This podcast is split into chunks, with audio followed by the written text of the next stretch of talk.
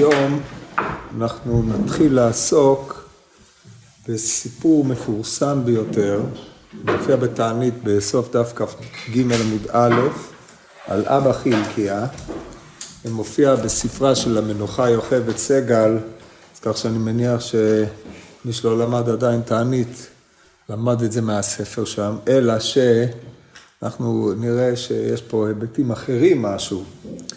כל פנים גרסא דיאנקותא זה תמיד טוב. מה שצריך לדעת אבל, וכבר חזרנו על זה כמה וכמה פעמים, שהנוסח של הדפוסים, בוודאי, בוודאי, הנוסח של סיפור, הסיפורים בדפוסים הוא משופע תוספות, שחלקן הגדול הם ענייני פרשנות שנכנסו מן הגיליון פנימה, והפכו להיות בשר מבשרה של האגדה, או של בשר מבשרו של הסיפור, ועל ידי כך הם מטים כמובן את אה, הפרשנות של הסיפור, הפרשנות יותר יותר מורחבת לכיוונים מסוימים. בסיפור דנן, אנחנו אה, נקרא אותו לפי הנוסח של אה, מסכת תענית שהוציא דוקטור צבי מלטר, כבר דיברנו על הנוסח הזה בעבר, ולפי פרויקט פרידברג, אני לא זוכר איזה אחד מהם, אבל זה נוסח מינימליסטי. זאת אומרת, ככל שיש פחות מילים פה, יש יותר על מה לחשוב. ככל שיש יותר תוספות בגופו של הסיפור, זה מצמצם את אה, מרחב הפרשנות. עכשיו, ההיעדר של תוספות מסוימות, אני לא, אתם תוכלו לראות לבד כשאני אקרא את הסיפור, ותבינו עד כמה הדבר הזה משמעותי. זה, זאת נקודה ראשונה. נקודה שנייה, לכאורה המסר הזה, המסר של הסיפור הוא מסר די פשוט, לכאורה. לא זו בלבד, אלא שהסיפור הזה, יש לו מקבילה מרתקת בירושלמי במסכת תענית, פרק א', הלכה ד', על החסיד דכפר אימי. והמקבילה הזאת, יש לנו עניין בה, מפני שיש ממש גופי דברים שהם מקבילים אחד לאחד. והראשון שמתועד על כל פנים בכתב, שעמד על המקבילה הזאת, היה רבי יהודה בר קלונימוס בספר ייחוסי תנאים והאמוראים, שאמר שהחסיד דכפר אימי הוא-הוא אבא חילקי דנן. ומשם ואילך אה, המקבילות הללו כבר ציינו על ידי המפרשים פה, אפשר לראות את זה במעץ חיות ועוד. ויהיה לנו עניין במקבילה בין שני הסיפורים הללו, אבל עיקר ההתרכזות שלנו תהיה בסיפור הבבלי. ואחר כך אה, נעבור לנתח את הסיפור של הירושלמי.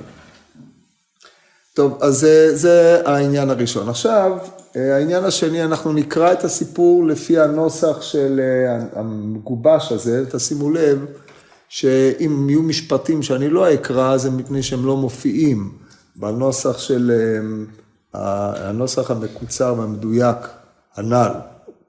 אומרת הגמורה, אבא, רק לפני זה, הסיפור הזה ממוקם אחרי סיפוריו של חוני המעגל, שדיברנו עליהם אה, בעבר, מי שהיה פה, ואחרי שסופר על חוני המעגל ועל זה שהוא ישן 70 שנה, אם זה חוני או הנכד של חוני, שגם הוא היה חוני, זה לא כזה, לענייננו עכשיו זה לא כזה משנה, בא הסיפור על אה, בני משפחה שלו.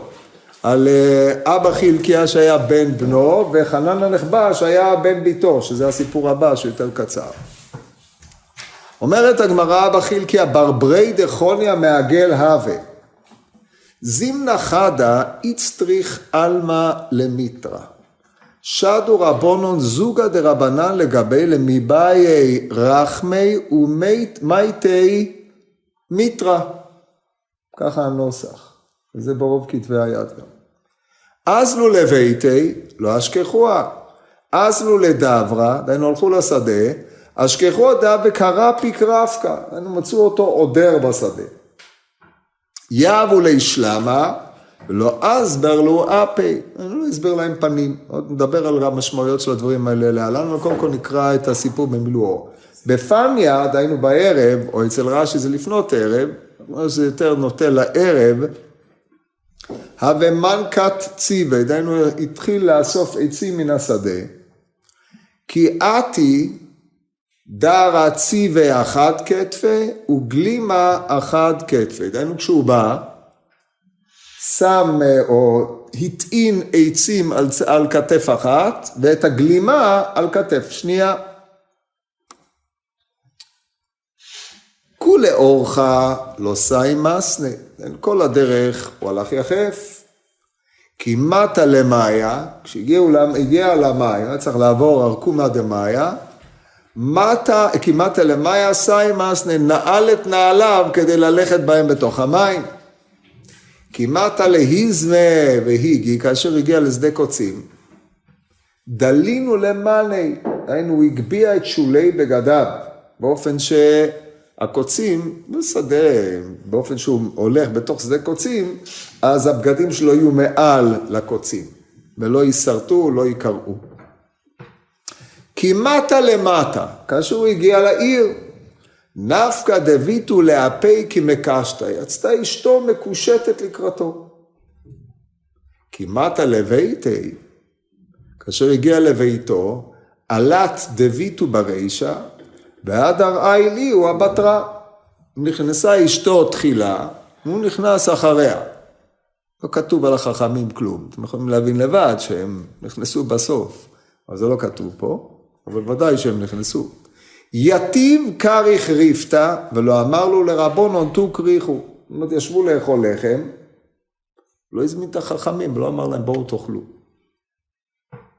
פלג ריפתא לינוקר, הוא מחלק את הלחם לילדיו, היינו ילדים קטנים, ינוקר זה ילדים קטנים שסמוכים על שולחנו, לקשיש היייב לאוחדה ולסוטרא תרתי, לגדול נתן אחד ולקטן שניים. עד כאן התיאור. אתם רואים, התיאור לקוני, אין אה, רצף בין אירוע לאירוע, כי מטה, הוא מגיע לפה, עושה כך, הוא מגיע לעיר, עושה כך. כאשר הוא מגיע לפה, קורה כך. הסיפור הזה הוא בעצם סיפור שמסופר מנקודת ראות של אדם שמסתכל על אבא חילקיה ורואה מה קורה איתו. זאת נקודת מבטם של החכמים, הם צופים בסדרת פעולות שמבחינתם אין שום רצף ביניהם, כולם פעולות מטמיעות, ולא רק אותו הם מטמיעות, אותם הם מטמיעות, גם את הקורא הם מטמיעות. כמו שאתם יכולים להתרשם לבד, הדברים הללו הם לא התנהגות נורמטיבית. מאחר שמדובר בזוגא דרבונון, אז נקודת המבט של זוגא דרבנן היא נקודת מבט של תלמידי חכמים. תלמידי חכמים שבוחנים את הפנומן הזה ורואים את ההתנהגות הזאת, עומדים נדהמים כשעה אחת. לזה באנו. אבל אין ברירה, יש להם שליחות. עוד לא חזרה שליחות אצל שולחיה, הם חייבים למלא את השליחות. אבל אין לי מי לדבר בשלב זה, הם עומדים תופעה. כמו שאנחנו בתור קוראים עומדים מול אותה תופעה. טוב, אז הם נמצאים אצלו בבית, הילדים אכלו את ארוחת הערב, בינתיים אה, אין מילה אחת לא מוחלפת בינו לבין אותם החכמים. אמר לה לדויטו, אומר לאשתו, ידענה דרבונון אמתולמיתרא אתו להו. זאת אומרת, אני יודע שחכמים בשביל מטר באו להם.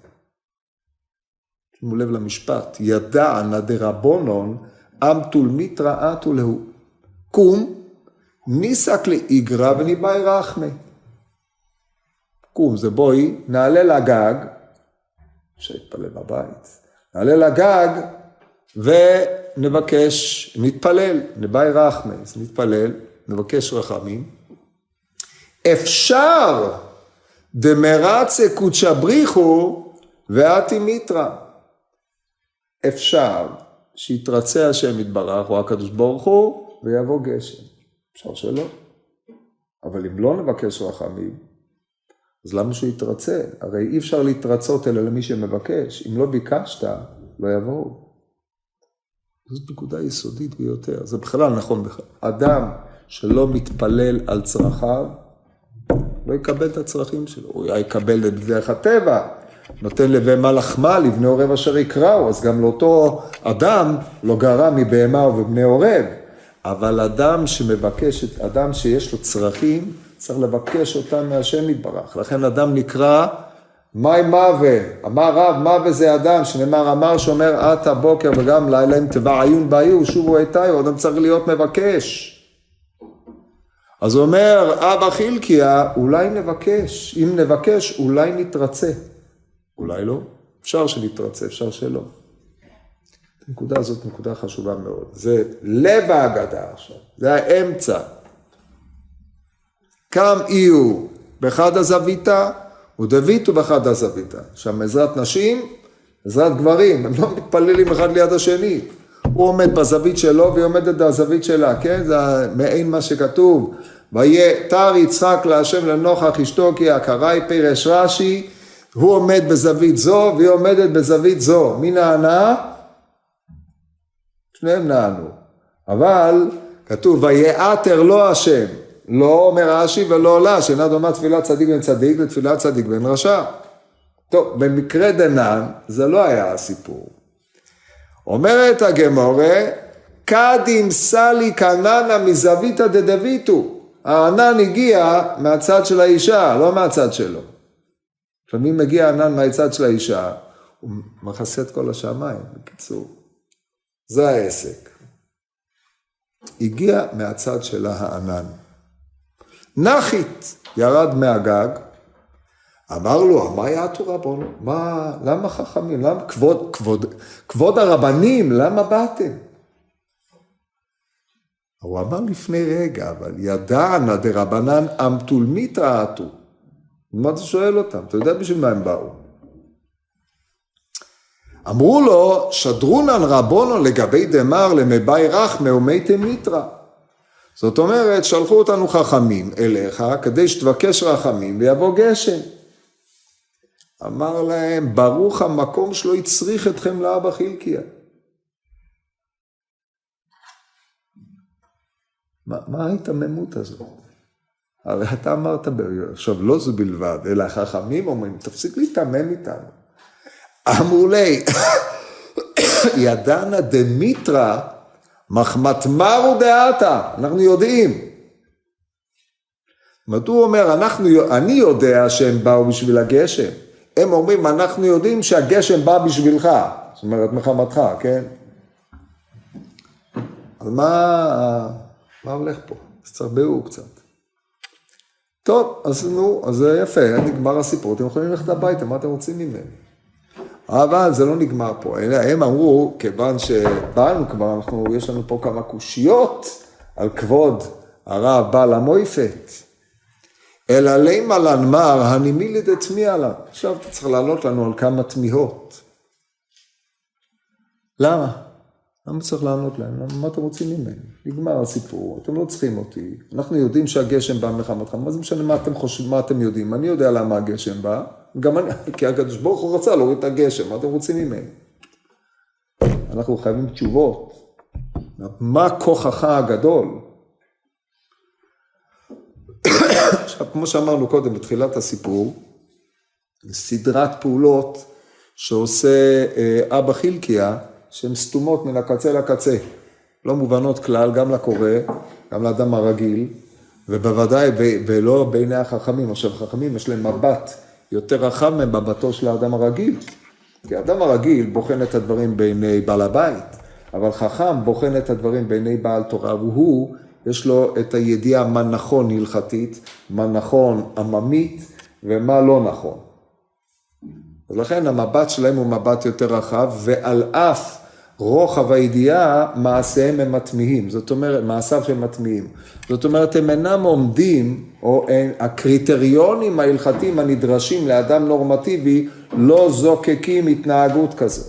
אז לבוא ולהגיד שהוא עכשיו הורה להם סדרת הלכות בבחינת טוב רוי כל הרע הוא נזכר בתלמודו שהם שכחו את כל תלמודם בהיותם בשדה והיא הוא הזכיר להם את כל הפלפולים וככה כל תלמיד חכם מובהק בעל דעה וכולי צריך לנהוג, זה לא, סביר, לא סביר, כן? אז עכשיו צריכים לראות מה, מה הוא עונה על שאלותיהם. עכשיו יש פה שמונה שאלות דומני שכולן מתחילות ב"מאי טעמה". הוא עונה להם. עכשיו, התשובות פה מאוד לא מפותחות. במילים אחרות הוא שולח מברקים. הם שואלים מהי טעמה. הוא יכול להיכנס איתם לשיח, לנהל איתם דיון, למדני, הלכתי, כלום. כל מברקים. שימו לב. מהי טעמה כי יהבינה למר שלמה לאסבר לנמר אפי. נתנו לך שלום, לא הסברת פנים, נדבר עוד מעט מה משמעות הדברים האלה. אמר לו, אגיר יום מהאווה. אני שכיר יום, ואמינא לא אפגר. אמרתי, אני לא אתבטל. מה איתם הדר המרציבי אחד כתפי וגלימה אחד כתפי? מה היה מצופה ממנו? של לשאת את שניהם באותה כתף? לא, בשביל מה? אלא תלבש את הגלימה ותשים את העצים על הגלימה, אתה הולך חצי ערום. לא, הוא לוקח עצים בצד אחד, גלימה בצד שני, והנעליים הם היו קשורים לו בחגורה, כי הרי היה לו נעליים בדרך, כמו שראינו קודם. למה ללכת ככה? תתלבש כמו מענץ', תלך, אתה הולך הביתה. לא. גלימה אני לוקח עליי, כן? אדם שיוצא עם גלימה במקום להיות לבוש בה, גלימה מונחת על כתפו, זאת הבנתי. כן? האחרים תמרו למה לא שם את הגלימה מתחת לעצים. זה בגלל סוגיית הירושלמי, אבל פה הכוונה היא בפשטות, למה לא התלבשת? תתלבש, את גלימה, את העצים על הגלימה, ולך כמו בן אדם. אז הוא אומר, טלית שאולי, להכי שאילי, להכי לא שאולה לי. מה זה להכי לא שאולה? היא לא שאולה לך למה? להתלבש בה וללכת איתה? בשביל מה שאלת אותה? להיראות בה, הרי טלית לובשים. היא לא שאולה לי שאני אחזור איתה מן השדה עם עצים עליה. כששאלת אותה מהמשאיל, הגדרת לאיזה צורך אתה שואל אותה, או שאלת, שאלת אותה סתם ודעתך הייתה לצורך מסוים. איך הפשט פה? כי אם דעתך הייתה לצורך מסוים, אז תגיד, לא שאלתי אותה אלא לדבר מסוים. רק כשהוא אומר, לזה היא שאולה לי ולזה היא לא שאולה לי, פירושו של דבר שהמשאיל לא השאיל לי אותה, השאיל לי אותה לזה ולא השאיל לי אותה לזה. אז עכשיו, אם זה הלכה, אין בזה שום חידוש. זה גם לא, אז בשביל מה לספר את זה בסיפור? אם זה חריג, אז יש בזה חידוש גדול. כי בפשוטו, כשאדם בא ושואל גלימה, שאל גלימה מחברו, ללכת בה.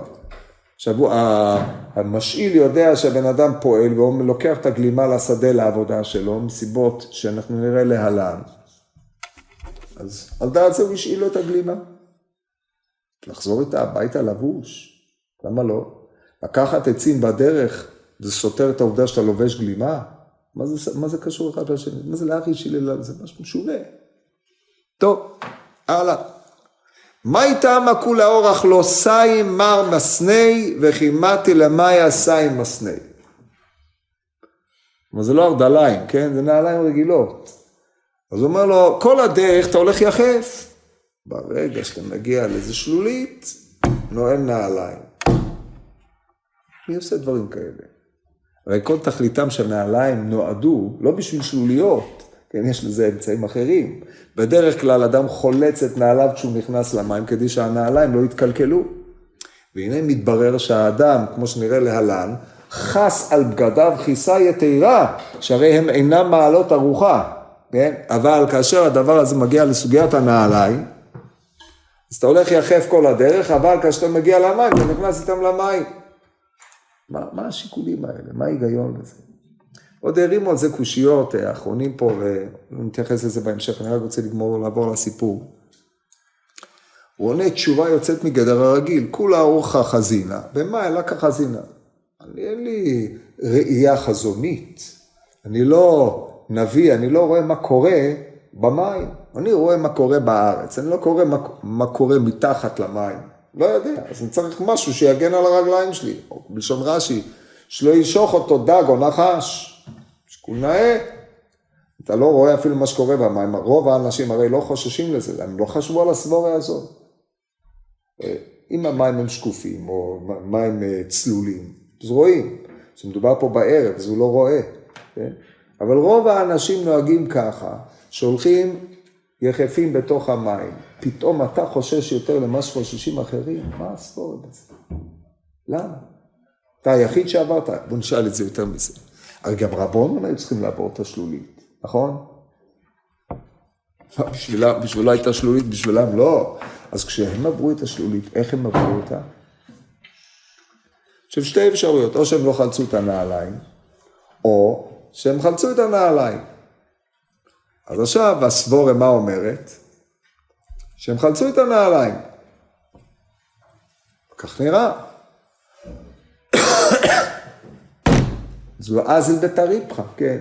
יכול להיות שכאילו, השאלה היא למה בהתחלה הוא כן, כאילו בחוץ הוא בלי ובתוך הוא כן, והם פשוט היו נגיד כל הדרך עם נעליים? נכון, זו עוד, עוד אפשרות, אנחנו מעלים את כל האפשרויות, כן, שהם המשיכו ללכת בתוך השולית עם הנעליים.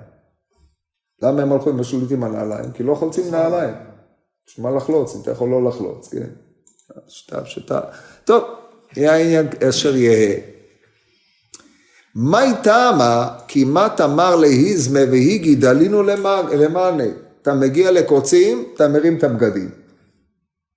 עכשיו, אם יש עליך בגדים הם איזושהי שכבת הגנה כלשהי, כן? כי הקוצים ייתפסו בהם ולא ינעצו בבשר האדם. אז הוא אומר, זה מעלה ארוחה וזה אינו מעלה ארוחה. בגדים שיקראו, מה אני אעשה איתם? בפח, אין מה לעשות. אבל הבשר יבריא. סברה יפה. כן, זה גמרא במסרת בבא קמא בצדיק א', ככה הרב, מסופר על אה, רב חיסדא, נראה לי זה צדיק א', אגיד לכם, כן. רב חיסדא כאה במזגה ביני היזמה והיגה מדללו למאני, אמר זה מעלה ארוחה וזה אינו מעלה ארוחה, זה שון גמרא. אז זה הועתק גם לסיפור דנן, מה משמעות הדברים האלה? הרי הם ודאי לא הרימו את בגדיהם כאשר הם עברו בקוצים. טוב, אולי היה להם אה, תקציב מהכולל כדי לקנות בגדים אחרים אם יסרטו, אבל רוב בני אדם ככה נוהגים. מה, מה קרה כאן? מה יש פה? טוב, שאלה הבאה, מה הייתה מנפקא דביתו דמר לאפי כי מקשתא? עכשיו, בחיטוטיי, אחרי אי אילו ספרים, מצאתי קונטרס שנקרא קונטרס אבא חילקיה. קונטרס המחזיק 35 עמודים, גדושים פלפולים בשאלה איך יכול להיות שאשתו יצאה מקושטת. בעיה, בעיה חמורה הלכתית, כי הרי אישה לא אמורה לצאת מקושטת לשוק. ונאמרו שם סדרת תירוצים, האופנים הזה, באופנים כאלה, באופנים כאלה, דיון שלם. אז השאלה, כשהם שואלים, מה איתמא דביטו דמר, אה, נפקא דביטו דמר לאפי כי מקשת, אז מה השאלה? למה היא יצאה לקראתך כשהיא מקושטת, היא הייתה צריכה לצאת לקראתך בבלויי סחבות, כמו שהיא הייתה בביתה, או, ואז השאלה, הדגש הוא למה היא יוצאת מקושטת, הדגש הוא על ההתקשטות, והדבר הזה לכאורה מעורר בעיה שכן אין ראוי לאישה לצאת מקושטת בשוק, או מקושטת באופן חריג בשוק. אז פה אנחנו רואים שיש עם זה בעיה, זאת אומרת לא כתוב בשום מקום שאישה לא יוצאת מקושטת, אדרבה. מהגמרא במסכת שבת עולה שנשים לא יוצאות עם תכשיטיהם בשבת, גזירה שמא תוריד אותו ותראה אותו לחברתה, או בלשון הירושלמי, נשים שחצניות הן, דהיינו מראות זו לזו כל אחד מראה, תראו זה טבע, תראו את זה, תראה לי את זה, תראה לי את זה, או כל דרך הנשים. אז הם יבואו לטלטל אותם ארבע אמות ברשות הרבים. מה מוכח מזה? שבימות החול, שאין עם זה בעיה, יוצאות גם יוצאות מקושטות, כן? אבל ממידת חסידות הוא שכדי שלא ייתנו בה עיני, האחרים, לא ייתנו, האחרים לא ייתנו בה עיניהם, אז אמרו לא לצאת מקושטות לשוק. אז הם שואלים, הם שואלים מה, מה החריגה הזאת? עונה כדי שלא אתן עיניי באישה אחרת. עכשיו תשימו לב, מדובר פה בלילה. לא מדובר פה באור יום ובעיצומו של יום. בלילה. ועל אף כן הוא אומר כדי שלא אתן עיניי באישה אחרת. מה אתה, מה אתה כבר רואה? בן אדם מגיע מהעבודה כולו בלוי, עייף, מותש, חבילת עצים על כתפו, כנראה לא אכל יותר מדי, כמו שאנחנו יודעים שהוא היה עני מרוד, וזה מה שמטריד אותו כשהוא מגיע הביתה, שלא ייתן עיניו באישה אחרת, פרוס שהוא יכול לתת עיניו במשהו. מה המשמעות הדברים האלה? שאלו אותו, מה איתה איילה היא ברישא אמר הבתרה? היא נכנסה ראשונה לבית, אתה נכנסת אחריה, ואנחנו בסוף. למה לא נתן, למה לא הכנסתם אותי? קודם כל אתה מכניס את האורחים, בואו תיכנסו בכבוד, ואז אתה בתור בעל הבית נכנס בסוף. אומר להם, לא בדיקיתו לי, אתם לא בדוקים לי. לא יודע מי אתם. מה זאת אומרת לא יודע? רבונו, כל התפאורה. מצטלה דרבנן, הוא יודע בוודאות שהם תלמידי חכמים, זוגא דרבנן דאשתר, זה, זה זה. אתם לא בדוקים לי. זאת אומרת, אני לא יכול לסמוך עליכם. מה יכול כבר לקרות? הרי כמה זמן עבר משעה שאשתו נכנסה לשעה שהוא נכנס. זה לא אשתו נכנסה אחרי חצי שעה הוא נכנס ואחרי זה הם. הכל בבת אחת, בזה אחר זה. ככניסה אחת, אתם לא בדוקים, לא יכול להיות שתהיו בבית רגע אחד לפני שאני ואשתי נהיה ביחד בבית. על מה מדובר פה? איזה דקדוק יוצא מגדר הרגיל, יש פה, שלא שמענו כמותו מעולם. טוב, שאלה הבאה, מה איתה אמר, אמר לנמר, לא אמר לנמר, היה צריך להיות, כרוך וריפתא. זאת אומרת, למה לא הזמנתם, למה לא הזמנתם אותנו לארוחת ערב? עכשיו, זה יסוד, יסוד גדול. אומרת הגמרא בחולין, נקרא לכם את הלשון הזאת, חולין זין. יש שם סיפורים עם, אה, סיפורים מרתקים עם אה,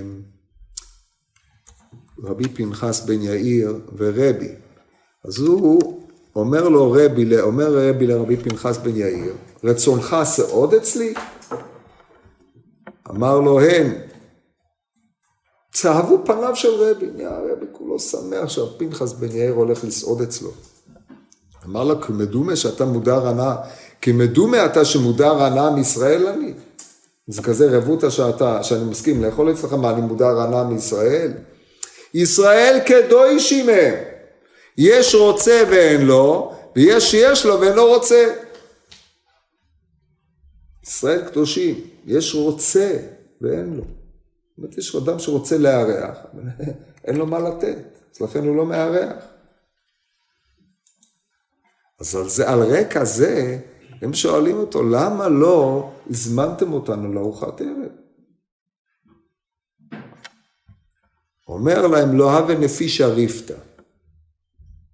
מה הוא ראה? הם ראו, הם ראו את ארוחת הערב שלו, הבן אדם מוציא שתי פיתות, שלוש פיתות יבשות למחצה, ועוד איזה חצי פיתה בשבילו ובשביל אשתו, נתן לגדול קח את זה, לקטן קח את שני אלה, ואכל. הם רואים את כל זה.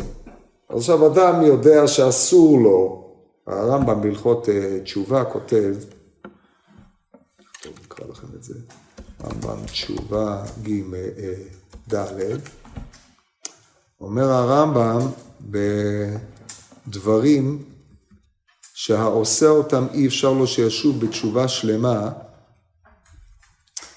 אמ, אין, אין חז... העושה אותם אין חזקתו לשוב מהם, האוכל מסעודה שאינה מספקת לבעליה, שזה אבק גזל, הוא מדמה שלא חטא ויאמר כלום אכלתי אלא ברשותו, אדם מזמין את עצמו לאכול אצל מישהו שאין לו מה, לא, מה לאכול, והוא לא יכול להגיד לו לא, אז הוא מזמין אותו לאכול, הוא לא רוצה להזמין אותו, והוא יודע ש...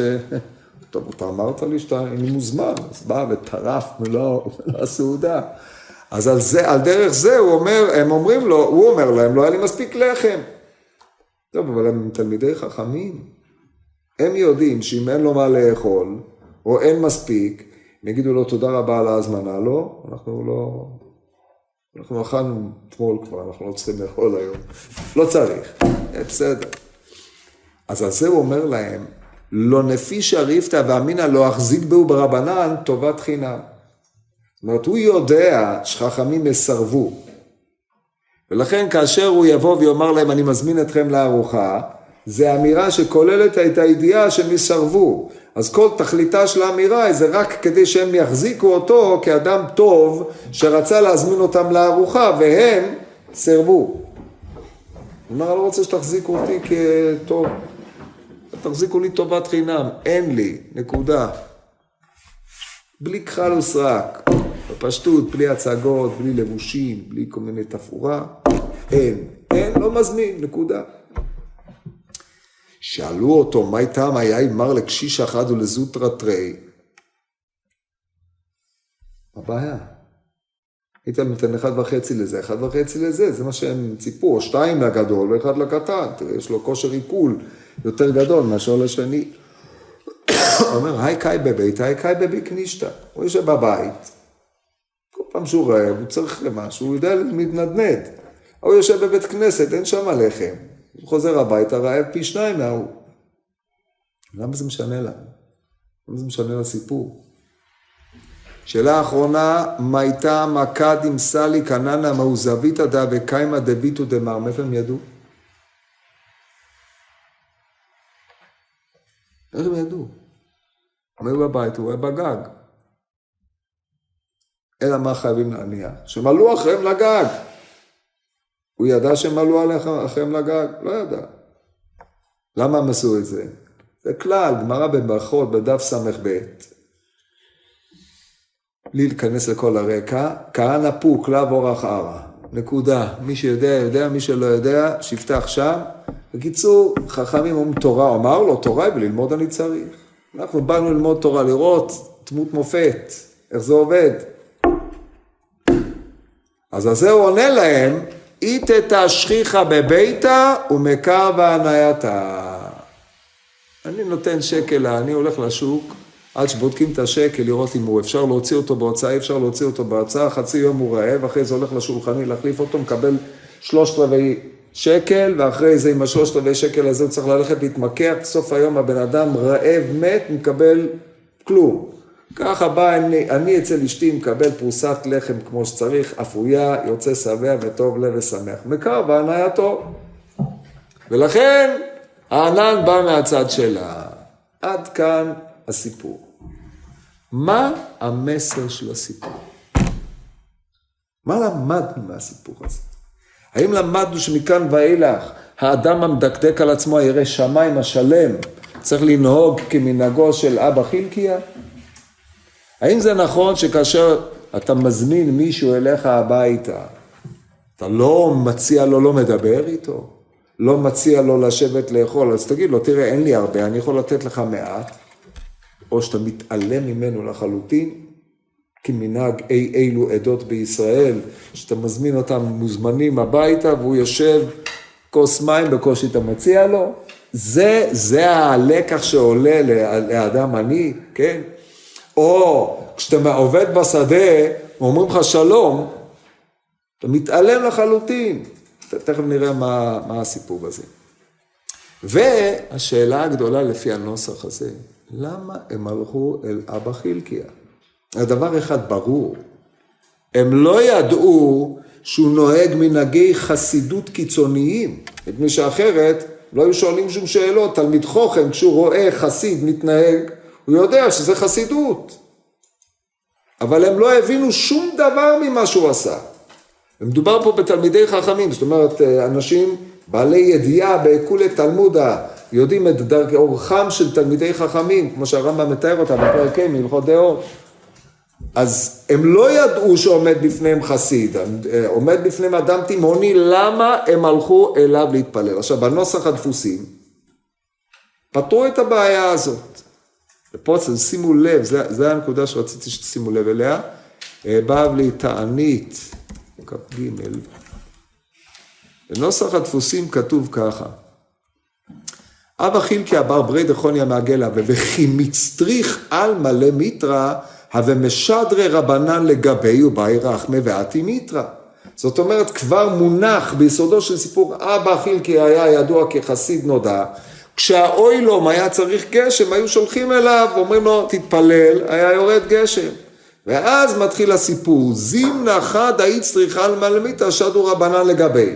כל המשפט הראשון אמור לענות על השאלה למה שלחו אליו, מה התשובה? כי תמיד היו שולחים אליו. טוב, אבל זה התחיל באיזשהו שלב, נכון? הייתה פעם ראשונה.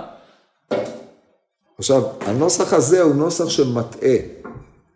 צריך להוריד אותו. עכשיו נניח שאין אותו כמו בנוסח דידן, עכשיו אנחנו חוזרים מההתחלה אל הסיפור, אז למה באמת שלחו אליו? יש רק סיפה אחת. אבא חילקיה ברברי דכוניה מעגל אבי. זה האינפורמציה היחידה שהם יודעים על האיש, הם לא יודעים עליו כלום. לא עליו, לא על נוהגו, הם לא היו אצלו. כי אם הם היו אצלו, אז מסתם בפעם הקודמת שהם היו אצלו, הם רואים אותו דבר. אז, אנחנו, אז יכול להיות שהסיפור הזה זה הפעם הראשונה שביקרו אצלו. אז מה אתם מחפשים אצל פועל עני, אין לו כלום. כל היום הוא יושב בעבודה, עובד בעבודה, לא מדבר עם אף אחד, מתבודד באיזה שדה קיצונית, שצריך לעבור בשבילה כמה וכמה מכשולים כדי להגיע ממנה אל העיר.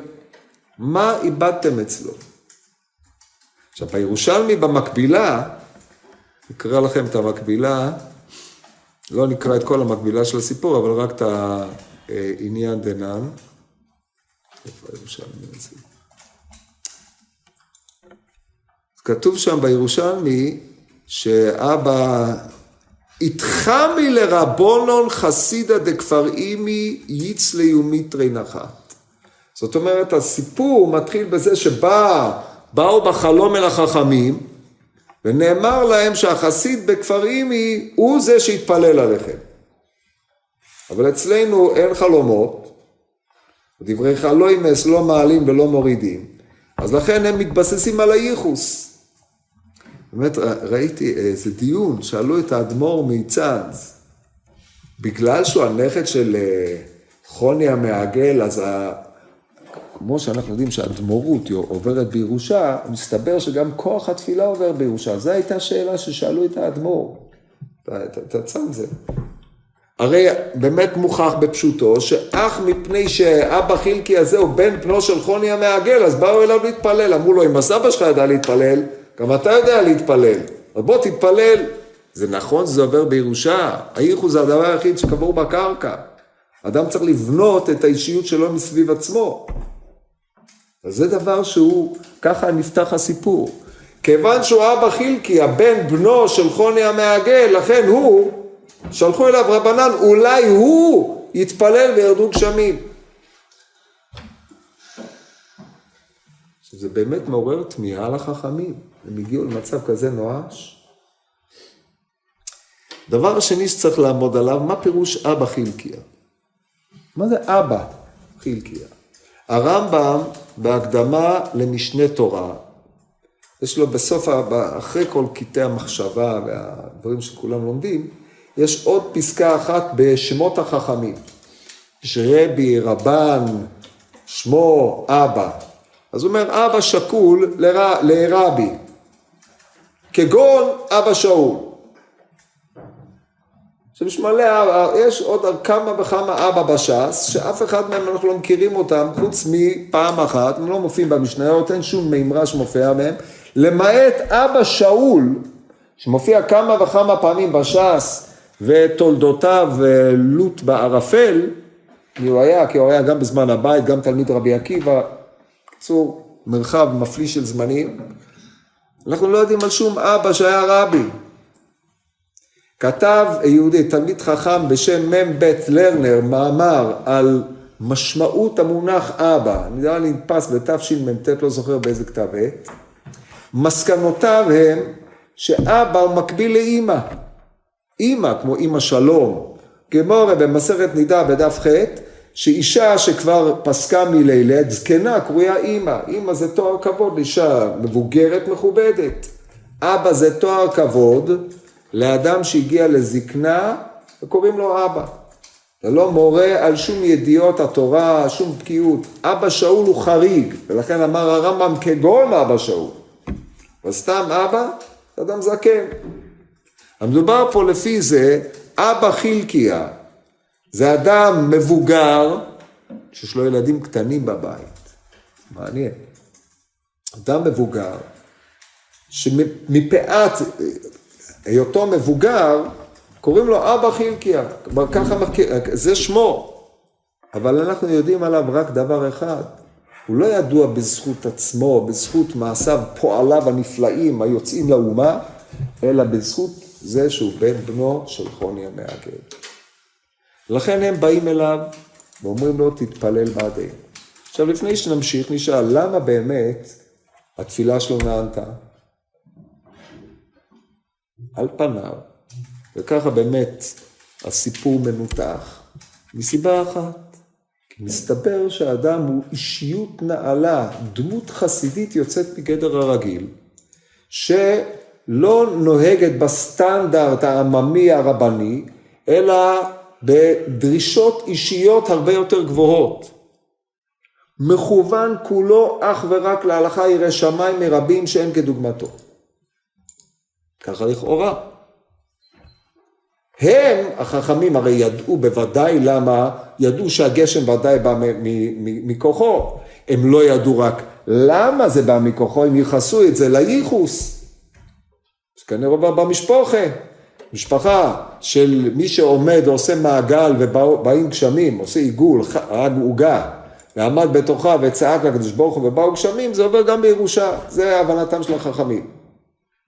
עכשיו זה באמת די אה, לא, לא מכובד במיוחד, כן? אבל אה, זאת כנראה ההבנה שלהם, ומסתבר בסוף שזה לא כך, אלא מדובר פה באישיות חסידית מדהימה. ככה לכאורה הרושם המתקבל בסיפור. זה הרושם שבתור נער, בתור ילד, כשקראתי את כל הסור חכמים, זה הרושם שניטע בי. שהאופן שבו האדם הזה מתנהג הוא, זה רואה את הדברים מבפנים, אין שום גינונים חיצוניים, הכל מכוון ישר ליראת שמיים טהורה, ועובד השם נקי. אבל זה לא נכון. לא רק שזה לא נכון, אלא הסיפור בא ואומר דברים אחרים לחלוטין. עכשיו אנחנו נראה את השלבים אחד-אחד. והסיפור הזה מעלה תמיהות קשות ביותר, מאוד מאוד קשות. מה זה תמיהות קשות? הרי יש סדרת התנהגויות של אה, אותו אבא חלקיה, שהן כולן סתומות, ואחרי זה הוא נותן להם פשר.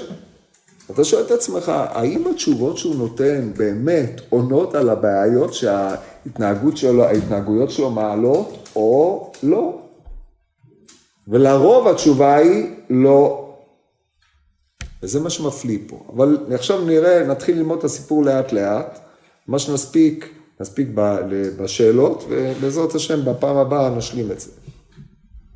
אז קודם כל פתחנו בקביעה אבא חילקיה, יהודי מבוגר, כבר זקן, יש לו ילדים קטנים, כנראה היה ערירי הרבה שנים, לפי הנתונים הללו. כבודו הוא בזקנותו חילקיה, חלק השם. אומרת הגמורה במסכת מכות דף כ"ד על, התפיל, על המזמור בתהילים ט"ו מי יגור והולך המשכון בהר קודשך הולך תמים ופועל צדק דובר אמת בלבבו לא רגל על לשונו פועל צדק זה אבא חילקיה למה הוא פועל צדק? על פניו לא מדבר בעבודה אין טלפונים, אין כלום דבק בדברי הרמב"ם בסוף הלכות שכירות שהבאנו בעבר, כן?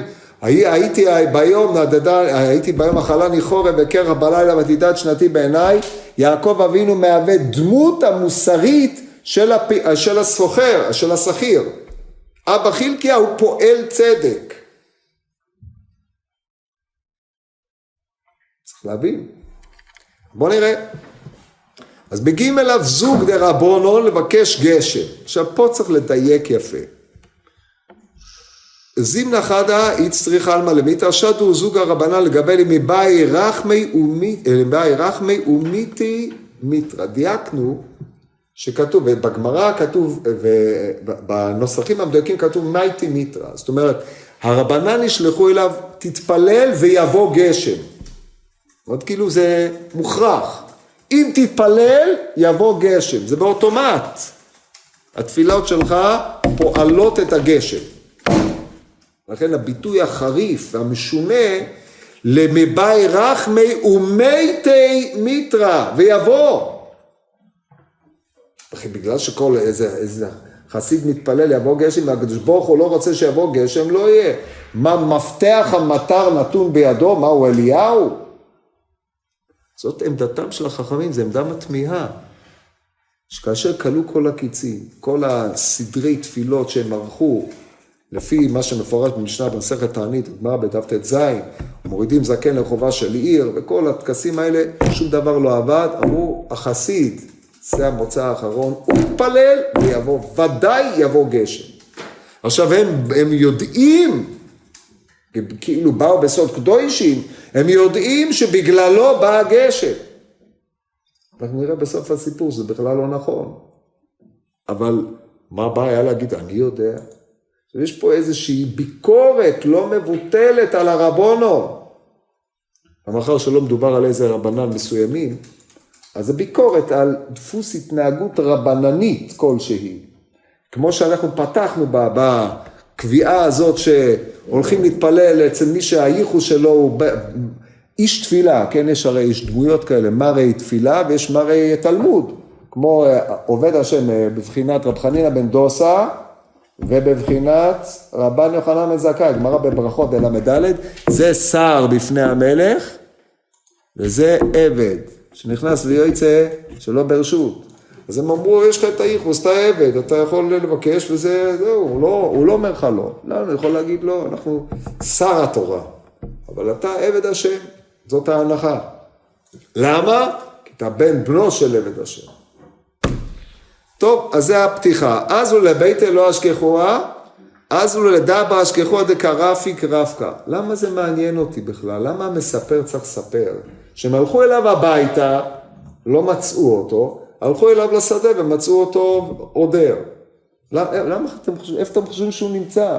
מה, הוא כוללניק? בן אדם צריך לעבוד לפרנסה. אתה הולך לחפש אדם באמצע היום, איפה אתה הולך? איפה? שואל איפה הוא עובד. הרי כתוב, אז לו לביתי לא אשכחוה, הלכו לביתו ולא מצאו אותו.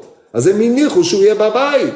עכשיו הם יודעים שהוא לא מבאי בית המדרש התדירים, מרביץ שיעורים תדירים כסדרן. אז הוא, אז הוא בעבודה.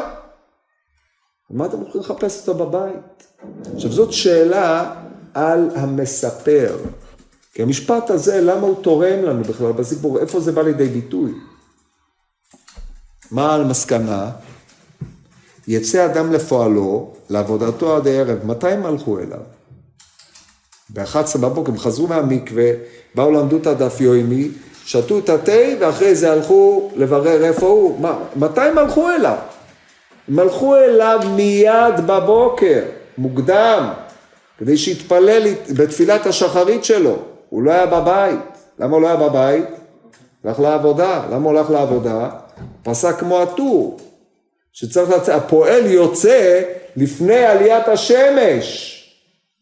לכן הוא הלך לעבודה. לכן הם לא מצאו אותו.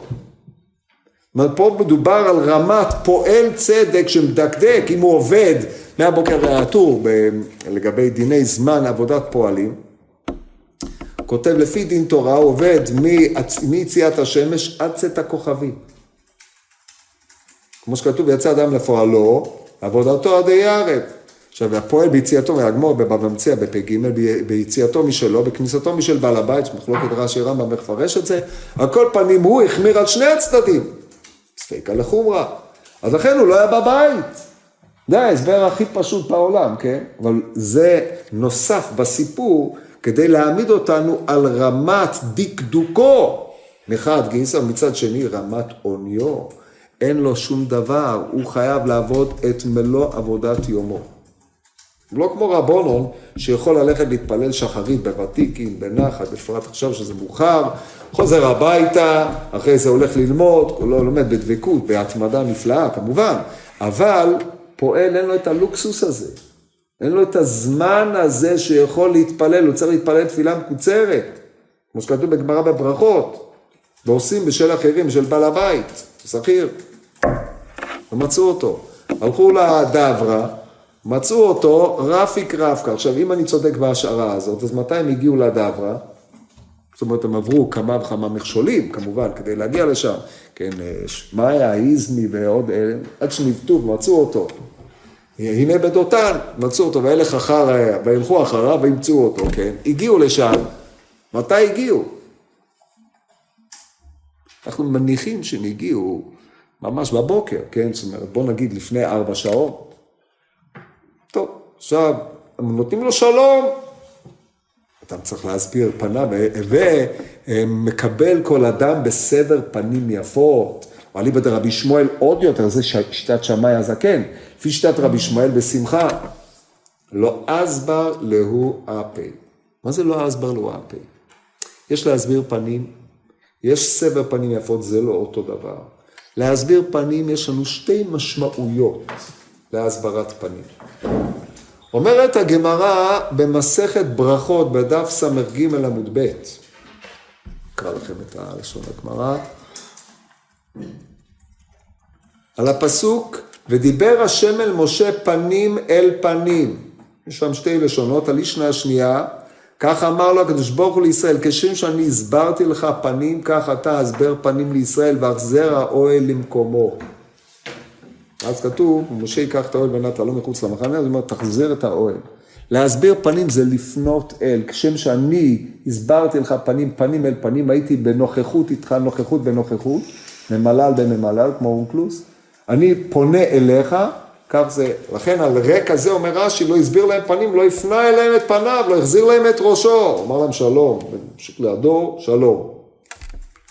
משמעות אחרת להסברת פנים, גמורה במסכת זבחים בדף קב, כתוב וניצבת לקראתו הנה יוצא המימה, לקראתו אמר איש לוקיש, הסבר לו פנים. מלך הוא הסבר לו פנים, רבי יוחנן אמר רשע הוא העז פניו, העז פניך כנגדו. זאת אומרת, המחלוקת שלהם שם על הפסוק הנה יוצא לקראתו, לקראתו זה, הנה יוצא, ניצבת לקראתו, דהיינו תעמוד מולו. האם אתה עומד מולו בהארת פנים, או שאתה עומד מולו בעזות פנים? זה המחלוקת, אבל כל פנים למדנו שזה מה ש... הסברת פנים זה הארת פנים, על דרך זה בדברים רבה. במהדורות הרגילות, על הפסוק לא תכירו פנים במשפט. אז יש מחלוקת בין התנאים שם, האם אני מכיר פנים למי שאני, אני לא מכיר פנים למי שאני יודע שהוא זכאי, או שאני מכיר פנים למי שאני יודע שהוא חייב. דהיינו מסביר פנים. דהיינו מאיר את פניי. אני לא מאיר את פניי למי שאני יודע שהוא זכאי כדי שלא יחשבו שבגלל שיש לי איזושהי זיקה אליו הערתי לו פנים, או אני מאיר את פניי למי שאני יודע שהוא חייב כדי שלא יחשוב שבגלל שיש לי משהו נגדו חייבתי אותו. על כל פנים, פה לא מדובר בהפניית פנים, אמנם יש, יש באר שבע מובא בשח, שאסור להסתכל בפני בעלי הדינים. למה? כי הוא בעיניך כרשועים, אסור להסתכל בפני אדם רשע, כך מובא, השח השח הביא את זה להלכה, שם בבאר שבע. אבל בוא נניח שבפשוטו, אתה צריך להאיר פניך לנידונים לפניך, לפי זה הסבר, הסברת פנים זה התייחסות, הארת פניו. אז הוא לא האיר פני, פניו אליהם. כן, למה כל, כל הפלפול הזה? כי המרשה אמר, מה זאת אומרת? ואתה צריך, צריך לתת שלום.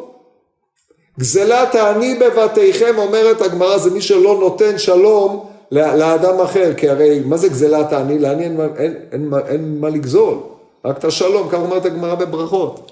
זה מי שלא נותן שלום לחברו, זה גזלת העני. אז לכן קמו פה פלפולים על העניין הזה, אבל כל פנים הוא לא הסביר להם פנים. בערב, אז הם יושבים יום, של... יום שלם בשדה, תבינו. בערב הוא מלקט עצים. למה הוא מלקט עצים? הלכה היא. אחד מעשרה דברים שיהושע בן נון, על זה הנחיל את הארץ, שיהיה מותר ללקט שדה, עצים בחורשים, בשדות שאתה עובד בו. איזה עצים? עצים במדרגת קוצים, מחוברים ותלושים בעוד אה, אילו תנאים, כל זה גמרא בבבא קמא בפ"א. אז הוא מלקט את העצים, כי באמת הוא אדם עני. עכשיו אני מזכיר לכם רש"י, נוגע לחנוכה. עד דקליה ריגלה דתרמודאי, מה אומר רש"י במקום? כותב רש"י ריגלה דתרמודאי, בואו נראה אם יש לי את הציטוט הזה. ומשם אומה מלקטי עצים דקים מתעכבים בשוק עד שולחים בני השוק לבתיהם משחשיכה ומביאים בבתיהם הוא, כשצריכים לעצים יוצאים וקונים מהם. מה זה הם סוחרים גם בעצים. על כל פנים ליקוט העצים נעשה רק בסוף העבודה. הוא גמר את כל עבודתו בערב, ואז הוא מלקט את העצים. אז מדובר פה כבר בשעה מאוחרת. צאת הכוכבים, שתתתו, טוב, יפה. אז עכשיו הוא נוטה לכיכאתי דר עצי ואחד כתפה וגלימה אחת כתפה. כשאדם הולך בדרך, צריך ללכת לבוש. כשהוא עובד את העבובדה שלו, הוא עובד עבודה של פועל, חם, מזיעים וכיוצא בזה. הוא עובד עם בגדים תחתונים, הוא לא עובד עם, זאת אומרת, הבגדים המינימליים, לא לובש גלימה. בשביל מה הוא לקח גלימה לעבודה? על פניו גלימה, אז אתה הולך עטוף עד מקום העבודה, בשדה הזה מקום שאף אחד לא נמצא בו, אתה אז, אתה מוריד את הבגדים העליונים שלך ועובד בבגדי העבודה. אחרי זה, כשאתה חוזר לשוק, אתה יוצא מהעבודה הביתה, אתה לובש את הגלימה כמו מענץ' וחוזר הביתה, כי מה אני מכבדותיי? אז הוא לא, הוא הלך לעבודה, לא יודע איך הלך, אבל על כל פנים כשהוא חוזר הביתה, הוא חוזר עם uh, בגדי העבודה, בלי הגלימה. בשביל מה הוא לקח את הגלימה? הוא לקח את הגלימה מסיבה אחת, להתפלל. אדם צריך להתעטף, בתפילה כותב הרעש של להתעטף, כן? תפילה להעניק יעטוף, אבל אין לו כסף לגלימה, אז הוא שאל את הגלימה בשביל, ה... בשביל זה. האם המשאיל ידע שבשביל זה הוא שואל? לא, אבל הוא התכוון שאני רוצה את הגלימה לשעת התפילה, אני צריך להתפלל מנחה, להתפלל מנחה בעבודה, לו זמן מינימלי כמובן, בשביל זה הוא לקח את הגלימה, ככה נראה.